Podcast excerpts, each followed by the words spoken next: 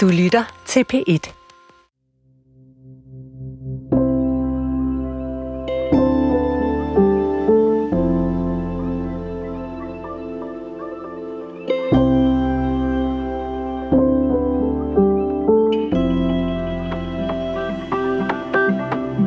Min datters yndlingsforlystelse inde i Tivoli, det er den flyvende kuffert. Det vil sige, der har jeg siddet rigtig, rigtig, rigtig mange gange. Og jeg kan sådan set godt lide at være dernede, indtil at, øh, at jeg havde en dag, hvor at vi øh, kører rundt. Det går jo meget langsomt. Selv små piger kan være med. Øh, men så slutter den. Og så kommer der sådan en stemme, der skal imitere H.C. Andersen, og så siger han, livet er nu engang det dejligste eventyr. Jeg sidder derinde og røvkeder mig en flyvende kuffert, og så er der nogen, der påstår, at livet er et eventyr. Så var der en dag, hvor jeg bare tænkte, jeg er fandme ikke på eventyr. Mit liv føltes ikke som et eventyr. Det gør det nu, men øh, med nogle helt andre udfordringer. Mit navn er Palle Steffensen, og du lytter til Tag dig sammen. En podcast, hvor jeg interviewer en række gæster om, hvad det har krævet for dem at ændre retning i deres arbejdsliv. For hvordan sparker vi os selv bag i, når vi er kørt fast i hverdagen, og kan det lade sig gøre, uden at få en røvtur og komme ned og bide i græsset? Til en start har du hørt en del af Julia Rarlunds historie, og nu skal du høre resten. Palle, hvorfor vil du egentlig gerne interviewe mig? Jeg vil gerne interviewe dig, fordi øh, vi har talt sammen mange gange om det med karriere, arbejdsliv, og vi har snakket om, hvad er det egentlig, der skal til, før vi finder det gode arbejdsliv? Du er over 10 år yngre end mig, og jeg har sådan egentlig været overrasket over, hvor reflekteret du er omkring det med, hvad der skal til, for at vi finder lykken i arbejdslivet, selvom vi jo begge to har oplevet op- og nedture. Og det er de vendepunkter i dit liv, jeg gerne vil øh, snakke med dig om. Julie Rarlund, du er tidligere redaktør på Danmarks Radio, og i dag er du forfatter, konceptmager, idémenneske og alt muligt andet. Hvad, hvordan forestillede du dig egentlig, at dit arbejdsliv skulle være? Jamen, det har haft nogle faser. Jeg har altid været utrolig øh, arbejdsom, så jeg har haft mange jobs, og jeg har, øh, har knoklet røven ud af bukserne. Men en af de store ting, der sker, er jo, at jeg læser film og medievidenskab og øh, kommer ind på Danmarks Radio, og dengang tager min, min første, aftjener min første værnepligt, øh, der var syv år dengang, indtil jeg bliver mor. Og, øh, og da jeg bliver mor, der har jeg samtidig, jeg har lige udgivet en bog, jeg har lige skrevet mit speciale, jeg er færdig som coach, og øh, hele mit liv handlede om målsætninger og mål. Jeg havde sådan en øh, ting længe øh, i slutningen af 20'erne med, at hver år i august, så skulle jeg ligesom gøre status, og så skulle vi snakke om, hvad jeg havde nået i år, og hvad skulle jeg nå til næste år. Og jeg husker, et af de sidste sådan, definerende mål, jeg havde, det var, at jeg ville være, have budget og personalansvar, inden jeg blev 30. Og øh, da jeg går på barsel, er det også med tre virkelig hårdt definerede mål. Jeg skulle være færdig med mit speciale. Jeg skulle veje det samme, som jeg gjorde, inden jeg var blevet gravid. Og jeg skulle have et nyt arbejde. Øh, og øh, så du kan jo nok... Altså, jeg ved ikke, om du kan fornemme, at der blev arbejdet meget, og der blev egentlig ikke... Der var ikke særlig meget fokus på, på det her med at blive mor. Og da jeg så bliver 30, begynder det at skrænte gevaldigt med mit forhold til min datters far. Og, øh, og jeg kan huske, at jeg er så udmattet i en august måned, hvor jeg ligesom skulle jo gøre status igen. Hvad havde jeg nu nået i år? Mm-hmm. Og så tænkte jeg for første gang, det var dog alligevel Sørens, at jeg sidder her og har et barn på to og et halvt år, og et ægteskab, der skrænter. Og så er min mål, så er jeg ked af det, fordi jeg ikke har nået nogen ydre mål. Hvad om, at du lavede et mål, der hed, jeg vil være en god mor? Mm. Hvad vil det give dig? Og fra dag af, da jeg bliver 30, der begynder jeg faktisk at lave, redefinere nogle af de der mål. Øhm, og jeg bruger hele min 30 på at, at lave virkelig mange fede ting. Jeg har været på eventyr. De fleste mennesker, der kender mig, ved, at mit liv og mit arbejdsliv har været et eventyr. Jeg har været producent af alle de overlevelsesprogrammer, I elsker. Øen og Alene i Vildmarken og Langt ud i Lapland. Jeg har lavet dokumentarserier og har været med til at skabe DR3-kanalen, så jeg har lavet absurd mange fede ting. Men jeg følte mig ikke fri i det. Og hele min 30'er, hvor jeg var alenemor, der havde jeg kun to mål, og det var at være en god mor, øh, og på det tidspunkt at være en god mor, det var også, at jeg tjente nok penge til, at vi kunne klare os, og vi havde det godt. Men de mål, som du så sat for dig selv tidligere og sådan noget, hvad fanden var de lavet af? Hvorfor kom de? Hvem havde, hvem havde sat dem? Og hvorfor? Ja, det er jo et godt spørgsmål. Øhm, jeg tror,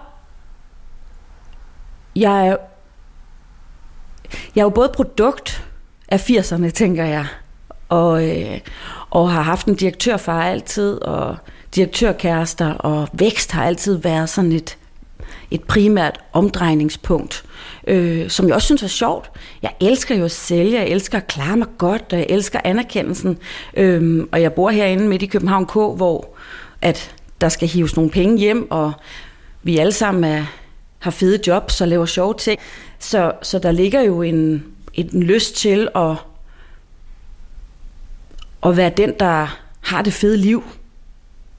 Øh, men det, der så ligesom jo dukkede op mere og mere, som langsomt talte mere og mere til mig, det var det der med, men det er jo ikke det her, der er det fede liv. Det er jo ligegyldigt. Det er jo ligegyldigt. Så længe vi har det godt. Så, så, så det der med ligesom at redefinere, hvad det gode liv er, øh, og hvad for nogle øh, mål jeg vil have, og hvad for en hverdag jeg vil have. Det er jo meget hverdagen, det handler om. Det ved jeg ikke, om du selv kender, men det der med at arbejde så hårdt, så at Øh, nu har jeg været redaktør på Danmarks Radio, og jeg havde i mange år, hvor at jeg, jeg tog nærmest ikke telefonen efter klokken et eller andet. Altså jeg tog det, når det var kunder, men jeg tog det ikke, når det var min veninder eller min familie. Jeg orkede ikke at tale med folk mere.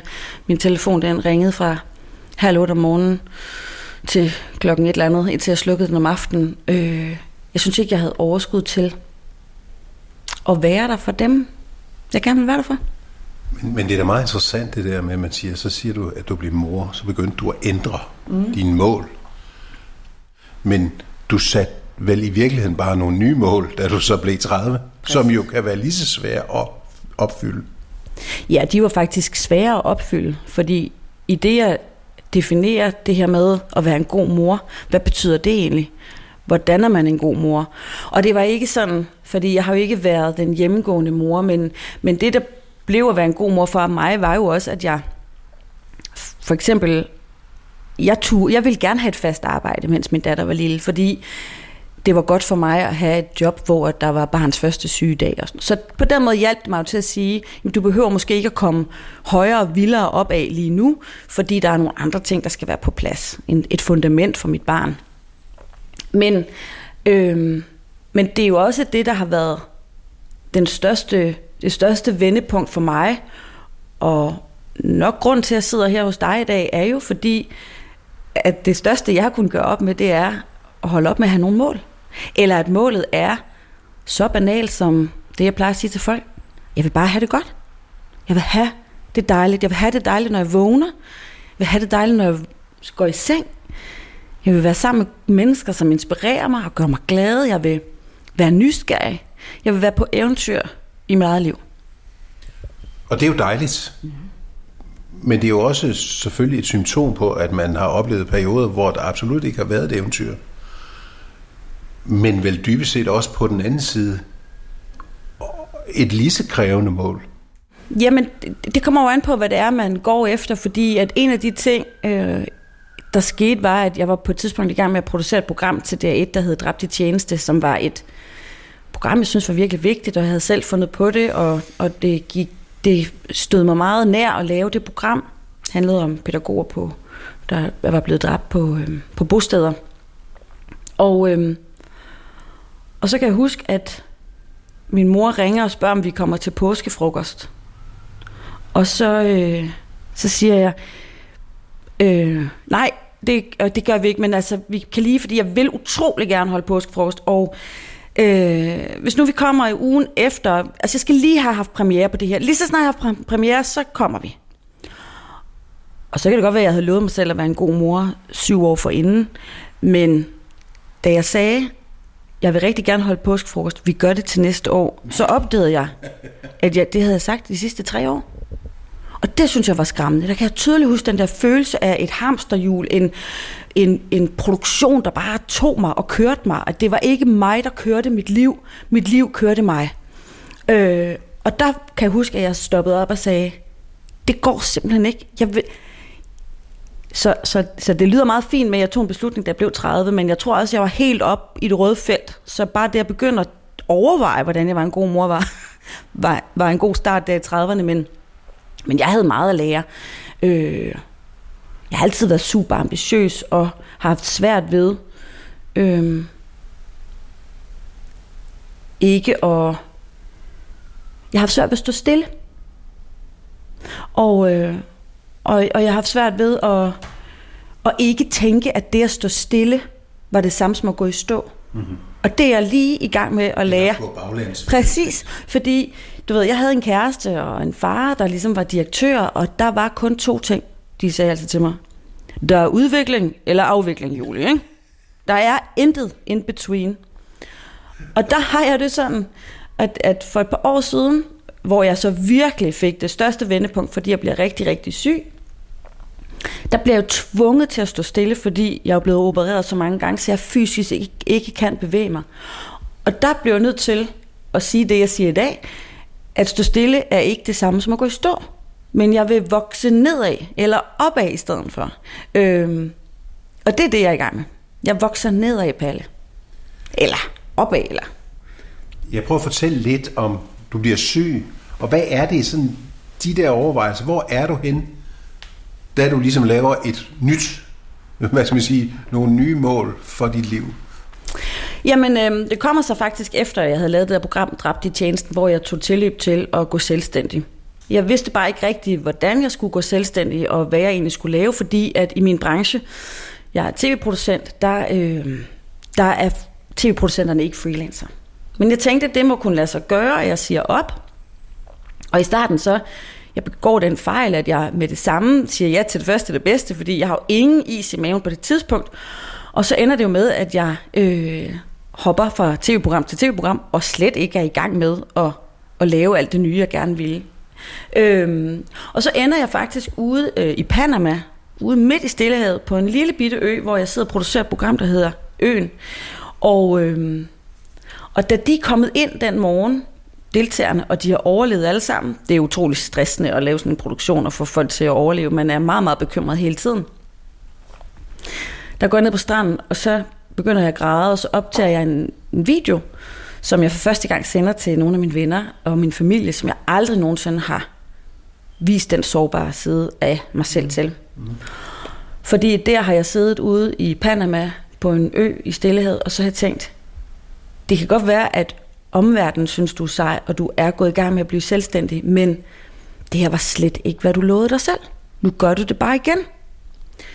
Den sommer tager jeg så hjem og tager overlov, bruger sommeren på at skrive en børnebog, jeg stadigvæk ikke har fået udgivet, men jeg kæmper meget for det.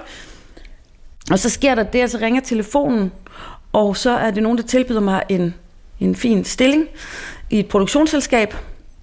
Og øh, jeg tænker, jo, nu er jeg jo færdig med den bog der, og jeg skal ikke ud og rejse mere. Jeg skal jo være sådan en type, der...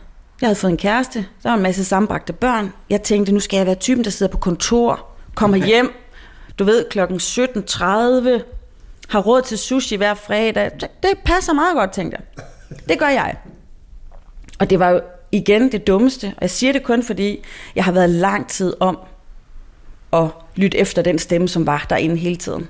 Og i de syv uger, jeg når at være ansat derude, der råber den der stemme bare højere og højere og højere, at det var, at det var helt forkert. Det var ikke det, jeg havde lyst til. Øh, jeg var ikke modig. Jeg var ikke på eventyr. Øh, og så sker det, så går det hverken værre eller bedre, end jeg faktisk når at sige op. Øh, og aftaler med dem, at, at jeg producerer et program færdigt, jeg var i gang med. Og, øh, og så melder vi det ud, når de har fundet en afløser, fordi det var jo ikke en særlig god historie, altså for mig. Nå. Men så bliver jeg syg. Og, og det, der er pointen i det her, det er jo, at i to og et halvt år forinden har jeg sagt, at jeg vil gøre noget, men jeg bliver ved med at lade angsten styre, og tage det, ikke det første det bedste, men, men jeg, holder i hvert fald, jeg lader i hvert fald være med at, at, at mærke efter. Og så bliver jeg syg, og så bliver jeg, jeg får en graviditet uden for livmoderen, og de kommer til at fejloperere mig. Der gør, at jeg bliver opereret øh, tre gange på fem dage, og til sidst har så meget blod i maven, at, og er så medtaget af operationerne, så de kan ikke operere mig mere, og de siger, at nu skal jeg ligge ned i to måneder og absorbere blodet. Og, og det er det bedste, der kunne ske på den måde, at det var jo dødsens skræmmende, og jeg øh, ville ikke ønske det for nogen, fordi jeg var jo tæt på at dø, og mit barn troede, jeg var tæt på at dø, og det var ikke særlig sjovt. Men jeg bliver lagt ned, helt fysisk. Øhm, og nu kommer jeg lige med et Oprah-citat. Jeg ved godt, at det måske er pinligt her på P1. Men øh, Oprah, hun sagde engang til i et eller andet show, jeg hørte, at hun siger, Gud visker altid. Og hvis ikke du hører efter, så råber han højere. Hvis ikke du stadigvæk hører efter, så falder der branden ned.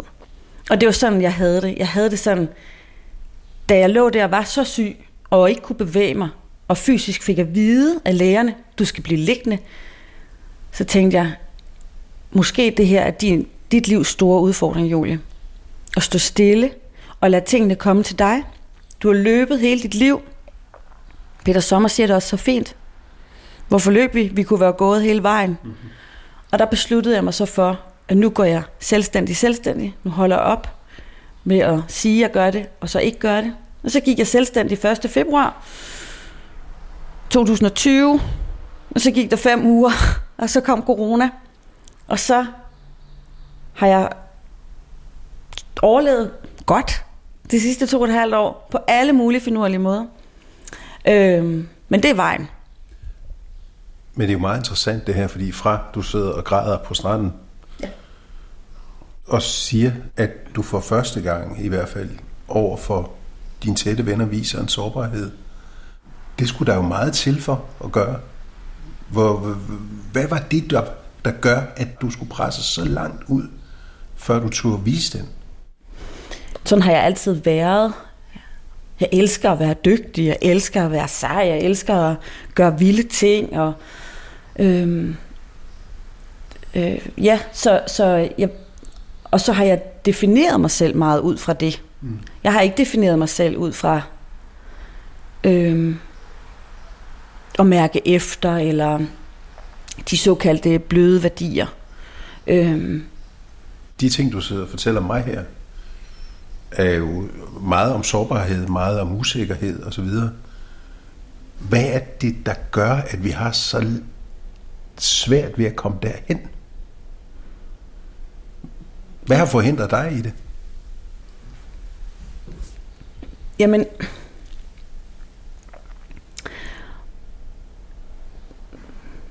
jeg tror, det er mange ting. Øhm, jeg vil gerne være en kvinde, der klarer mig godt. Og jeg gerne vil være en kvinde, som ikke piver, og vil gerne være en kvinde, som var modig, og som ikke på nogen måde skældnede mellem, øh, at der var forskel på drenge og piger. Øh, så jeg har øh, adopteret en masse ting, tror jeg, som, jeg, som har været måske mere maskulint. Jeg har i hvert fald ikke selv givet værdi til den side af mig selv, mm. som har været blødere. Og jeg føler heller ikke, at den er ligesom er blevet opelsket. Og det er den jo stadigvæk heller ikke i dag på den måde, at en af de sværeste ting ved det, jeg gør lige nu, det er jo, at jeg bliver ved med at sige til folk, jeg forbeholder mig retten til ikke at vide, hvad jeg vil. Mm.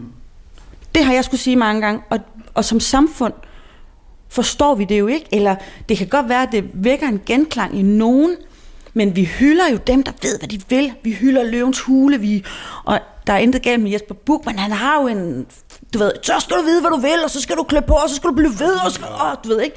Og der er jo den der, der er jo det her fokus på vækst, og som jeg sagde, øh, det her med, at jeg er vokset op med to ord, du ved, der er udvikling eller afvikling, og der er intet imellem.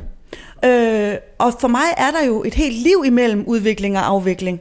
Øh, og der er også en redefinering af, hvad udvikling er. At man jo godt kan vokse nedad, eller opad, eller udad.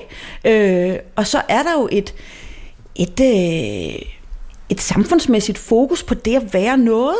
Og, og der, hvor jeg ligesom begynder at, at sige til mig selv, at øh, jeg vil hellere være nogen, end at være noget. Der sker også noget inde i mig, fordi det her med, når man har prøvet at have nogle gode stillinger, eller være noget i, en, i et miljø, så bliver man jo inviteret, man har venner, folk vil gerne øh, snakke, fordi at man kan bemidle øh, penge til det ene eller det andet, og man har en eller anden form for øh, magt.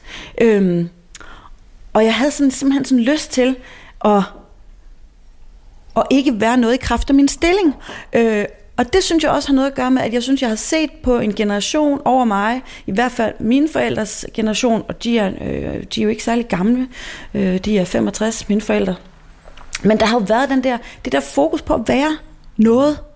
Og at, øh, du ved... Men det er der vel egentlig stadigvæk, er der ikke? Det er der super meget stadigvæk.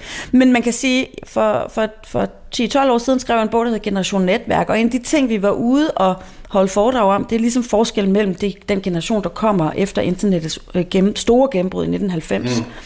Der, der siger man ligesom, der begynder at komme nogle undersøgelser om, at unge på en eller anden måde, i stedet for ligesom at vil op, så vil man ud, altså man går fra et hierarki til et heterarki. Altså man siger, du ved, at de stillinger, som handler om at kunne komme ud i verden, arbejde ud i verden, gøre noget, øh, bliver vigtigere. Og jeg ved ikke, om det er på en måde stadig sandt, eller det er på en måde sandt, at det er blevet vigtigere. Men jeg synes jo også, når man ser på øh, iværksætterånden, der er over os øh, i, i øjeblikket, eller de sidste par år, og så hylder vi jo, vi hylder jo dem, der løber stærkt. Der er altså ikke nogen, der hylder mig for at sidde der og sige, at jeg ikke ved, hvad jeg vil, og jeg ved ikke, hvad jeg vil på tredje år. Jeg skal sige til dig, at det er svært at holde fast i, at mit mål det er at have det godt. Men det er jo meget interessant, at du siger det. Du er 42, jeg er over 10 år ældre end dig. Og det var faktisk først, da jeg sådan selv gik på røven, her for et halvt års tid siden, at jeg, det gik op for mig, at jeg, hvad fanden var det, jeg jagtede? Jeg jagtede et eller andet, og måske var det faktisk først, da jeg så var nede og vende, at jamen, hvad er det, jeg selv vil? Hvad er apropos det der? Fordi jeg har op i langt op i 50'erne også ville være noget. Og, og faktisk først sådan ligesom her i de seneste måneder sågar sagt til mig selv, jamen, har jeg behov for det længere? Er der brug for det? Er, det, er der nogen, der efterspørger det hos mig? Og jeg begyndte sågar at sige til mine venner, der har, sådan, hvor nogen, hvor jeg siger, hold kæft, vi elsker dig jo, og alligevel, selvom du ikke lykkes med alt, og, ja, og, jeg, og, og som bare sagt... lige, undskyld, jeg afbryder, men bare lige hør dine egne ord. Vi elsker dig alligevel, selvom du ikke lykkes med alt. Ja. Selvom du ikke lykkes med alt. Jeg synes, at du er lykkes i den grad. Det har jo ikke noget... Altså, måske det der alt. Du ved, måske vi, måske vi ikke skal lykkes med alt. Måske det at lykkes er faktisk ikke at lykkes med nogen ting. Mm. Øhm, der er jo det her igen jeg ved godt, jeg sidder og citerer både Oprah og øh, nu kommer der et kinesisk ordsprog, men det har jeg brugt rigtig meget, fordi at der er den her historie om, jeg ved ikke, om det er sandt, men at det kinesiske tegn for krise er det samme som tegnet for udvikling. Og en af de ting, jeg har brugt meget mit liv på, det er, da jeg lærte det der med det kinesiske tegn. Jeg har ikke været særlig god til det, som I kan høre. Men hvorfor er det, vi skal helt derned i krisen for at få udviklingen? Så noget af det, jeg har stræbt efter og stræber efter nu, det er at sige, hvad hvis nu jeg reagerer noget hurtigere på min egen mavefornemmelse? Hvad hvis nu jeg ikke skal helt derned, hvor jeg skal ligge ned fysisk i to måneder og blive så syg, at jeg er ved at dø? Hvad hvis ikke vi skal ligge og bide i dynen? Hvad hvis vi blev lidt bedre til at høre efter? Så jeg prøver jo at stå stille og lytte efter og følge med. Du ved, øh, du kan godt lide fodbold. Jeg tror, det var Michael Laudrup, der sagde det noget med, at det ikke handler om et eller andet, men om at spille sig fri. Man skal spille sig fri, så man har mulighed for at tage bolden. Og jeg synes jo ikke, jeg var fri, da jeg var en del af hamsterhjulet. Jeg synes ikke, jeg er fri, når jeg er bange for, om jeg kan betale den næste husleje. Det er grænseoverskridende, skrækkenjagende, frygteligt. Men jeg vil gerne, det har en værdi at være spillet fri til at kunne sige ja til nogle nye muligheder. Men ligger du ikke så det andet pres på dig selv, der handler om, hvordan, øh, hvor du betaler husleje, og du ved, øh, du har en datter og så videre. Hvad, ligger man ikke bare et andet pres på sig selv ved at spille sig så fri? Jo, men en af de ting, jeg har opdaget, og nu er jeg ked af, hvis jeg skuffer nogen, men jeg må simpelthen sige, jeg tror, du har opdaget det, Palle. Tryghed er en illusion. Det er det i hvert fald for mig. Og det tror jeg altså desværre, det er for de fleste mennesker, fordi du kan dø nu, i morgen, du kan blive syg, Prøv at høre, verden kan gå at lave, Putin kan smide en atombombe, der kan ske rigtig mange vilde ting. Du kan blive fyret, Vi firmaet skal have en ny strategi. Du troede lige, det gik så godt. Og jeg har haft brug for at redefinere det der tryghed. Fordi hvad hvis nu jeg bare er tryg? Og nu kommer det til at lyde her helt spirituelt, og det bruger jeg også meget tid på. Hvad hvis nu, at jeg bare er tryg? Hvad hvis nu, at der er nogen, der har min ryg? Hvad hvis nu, det nok skal gå? Men at jeg skal spille mig selv fri for at kunne agere på de muligheder, der er. Og jeg ved godt, at så vil folk sige, at tillid og tryghed betaler jo ikke min husleje. Nej, men da jeg startede, der havde jeg fem uger, jeg skubbede foran mig. Og jeg lavede den plan, at jeg, hver gang jeg tjente en uges løn, så sagde jeg til mig selv, nu har du seks uger. Nu har du syv uger. Hver gang jeg så ikke tjente nogen, nu har du tre uger. Så jeg skubber stadigvæk de der fem uger foran mig.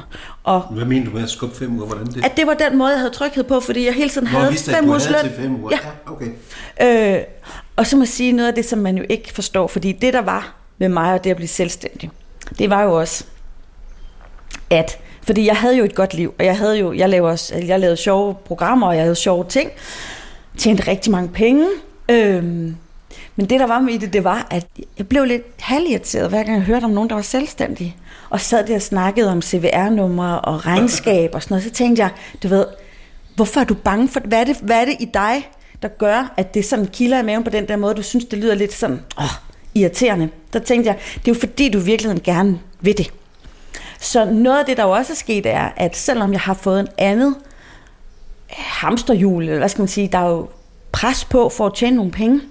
Mm-hmm. Men så må jeg jo sige, at det at have udbetalt penge af løn til sig selv i to og et halvt år nu, der begyndte at udbetale løn til mig selv, det er det største mindfuck, jeg nogensinde har fået. Min hjerne kan stadigvæk eksplodere ved tanken om, at jeg nu har holdt mig selv i gang i to og et halvt år. Det er, det er meget bedre, for mig i hvert fald, end at have den der illusion om, at jamen, jeg har da tre måneders opsigelse. Du blev syg, og så øh, tog du den beslutning om, at nu vil du gøre dig fri. Ja. Og måske tage i høj grad de opgaver, du selv har lyst til, og ikke være afhængig af andre. Hvad har det så af, øh, af utilsigtede øh, konsekvenser? Jeg, ikke, jeg, jeg troede, ja. at man ville blive gladere for mandagen, når nu man blev selvstændig. Og, og det er ikke fordi, jeg ikke sådan er... Jeg skal jo ikke nødvendigvis op og ind på et arbejde og sådan noget. Men noget af det, der er ved mandag for mig, det er jo, at jeg føler nogle gange, at hver mandag, så skal jeg ligesom babbe den op for slap igen. Nå, okay. Hvilke møder skal vi have sat i søen i den her uge? Hvordan skubber jeg videre? Nogle gange, så vil jeg ønske, at jeg skulle ind på et arbejde, og der var et øh, mandag på morgenmøde klokken 9, og så skulle jeg lige snakke med en ved kaffemaskinen, og så skulle vi lige arrangere et eller andet, og så holdt jeg et møde til, og så skrev jeg nogle mails. Og så havde det været min arbejdsdag, og så havde jeg faktisk gjort det godt nok. Mm. Mit at gøre det godt nok om mandagen er jo at sætte min uge i gang, og endnu en gang hele tiden drive ting selv. Det kan jeg godt synes er hårdt. Altså, jeg har jo begyndt at få det sådan... Øh, og det, og det er ikke noget ondt mod alle dem, som går fint på arbejde, men der er jo det der med at sige, når folk siger sådan til mig, jeg siger, hvad har du lavet i dag? Så siger folk, jeg har været på arbejde. Mm. Så siger jeg, har du været på arbejde? Eller har du arbejdet? Ikke? Fordi der er stor forskel. Jeg har ædermame, og det må du ikke sige til min tidligere arbejdsgiver, jeg har altså været ret mange gange på arbejde, uden at arbejde. og jeg arbejder, nu arbejder jeg jo altid, fordi det er meget mere konkret, når jeg arbejder. Fordi det er mere, jeg skal skubbe noget videre et projekt, eller jeg skal aflevere, jeg har en deadline på, på noget. Du er 42. Nu har du ligesom taget den beslutning i dit liv, at du ligesom vil være dig selv, sidde ved førersædet i forhold til dit arbejdsliv. Hvad har sådan været sådan den største learning af det? Jeg kan ikke sige andet end, at det igen er det banalt, men, men det her med, at målet ikke findes. Jeg har holdt op med at have et fast defineret mål. Processen er målet. Hverdagen er målet. Livet, det at sidde her med dig, det at kunne nyde mit liv, det at have overskud er målet. Det er jo ikke, fordi jeg ikke mister modet ret tit. Mm. Og det er jo ikke, fordi jeg ikke også ja, det kender gange... jeg jo selv. Altså, det gør man jo. Jamen, det gør vi jo alle sammen, og jeg skal da, have, jeg skal da holde fast i hele tiden, at, at jeg er på en eller anden vej, fordi jeg synes også, det er frustrerende, at jeg ikke ligesom kan sige til dig, Nå, og så gik jeg i gang med at jeg læse arkeologi, for det har jeg altid drømt om, og nu sidder jeg så og graver ud op øh, i jeres pris eller et eller andet nede i metroen. Ja. Jeg ville ønske nogle gange, at jeg havde sagt op, fordi at jeg havde fundet den der gamle drøm. Ja. Men det har jeg ikke. Og når jeg ligesom synes, at folk de udfordrer mig på, hvor jeg egentlig er på vej hen, så bliver jeg nødt til at holde fast i, at bare fordi, at jeg er taget på vandring, så er jeg ikke faret vild. Så det har været den største læring, at man kan godt tage på vandring, uden at vide præcis, hvor man skal hen. Man skal bare have nogle rettesnore i forhold til, hvad er det for nogle værdier, hvad vil man have mere af? Folk spørger jo altid, hvad har du tænkt dig at høste? Mm-hmm. Og der snakker jeg jo mere, meget mere om, hvad jeg så. Mm. Så jeg så jo nye ting lige nu, og jeg ser en værdi i at så noget, frem for kun at fokusere på, at vi skal høste, du ved. Og så om tre år, så kan vi, og så bliver vi solgt til en kapitalfond, og så gør vi. Du kan næsten høre, at jeg lægger min stemme op og går op i brystet og i halsen. Jeg synes, jeg har levet så længe i en verden, hvor det handler om at klare det bedre end sidste år. Du ved, så har man lige tjent 12% mere, og så næste år, så skal du lave 15% ekstra.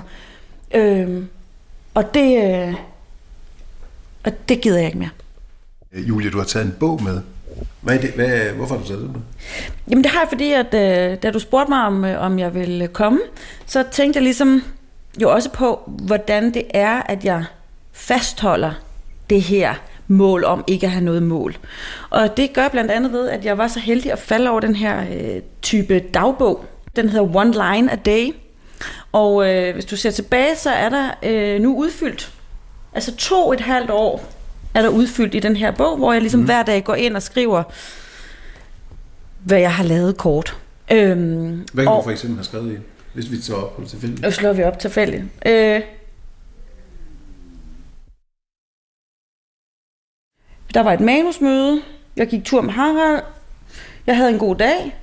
Dagen efter holder jeg en masterclass, går tur med Helle og laver israelsk suppe og brød til en træt Joko. Det, er, det handler om, at når jeg så sidder og skriver, så ser jeg jo lige op på de andre linjer og tænker, Gud, sidste år der udgav jeg faktisk en bog, eller sidste år der lavede jeg det, det der oplæg, der var super fedt, eller havde en god dag. Og det gør jeg ud fra devisen om, at mange oplever jeg øh, overvurderer, hvad de kan nå på et år, men undervurderer, hvad de kan nå på 10 år. Mm-hmm. Altså fordi på et år, eller du ved, når folk tager overlov, så er der jo ikke, der er jo ikke grænser for, hvad man skal nå på de der tre måneder. Man skal jo både lære at strikke, og man skal blive en, øh, et bedre menneske, og man skal have læst en, alle de bøger, man ikke har fået læst. Og, og det er jo faktisk begrænset, hvad man kan nå på et år. Men på et årti, der ville jeg jo kunne nå at tage en ny uddannelse. Jeg ville kunne nå at få mig en helt ny karriere. Jeg ville faktisk kunne nå at, du ved, have et helt forfatterskab. Jeg ville øh, kunne nå at øh, lave en succesfuld øh, møbelbutik. Der er mange ting, jeg kan nå på et årti, hvis jeg begynder at sætte nogle gode ting i gang. Så den her bog, og det med at skrive hver dag, den minder mig om det her med at så nogle ting hver dag, og også huske på, at hver dag i den her bog, det er mit liv hver dag i den her bog, det er faktisk hele målet. Der kommer en tirsdag, der er den sidste.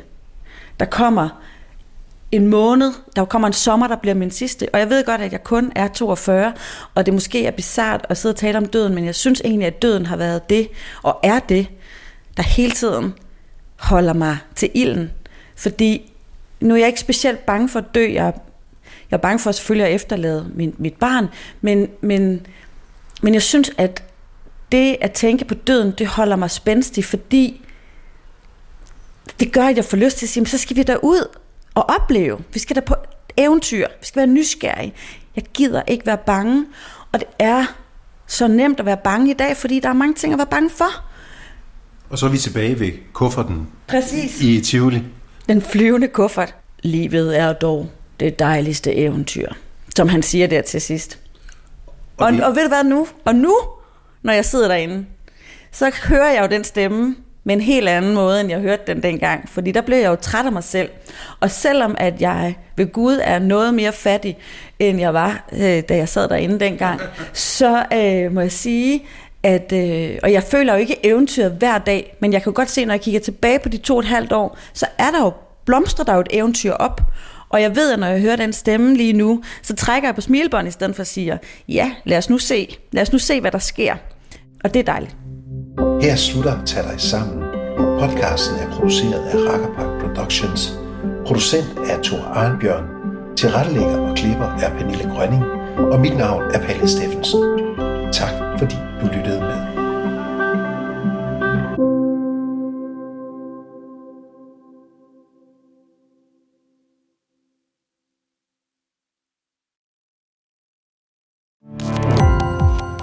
Gå på opdagelse i alle DR's podcast og radioprogrammer. I appen DR Lyd.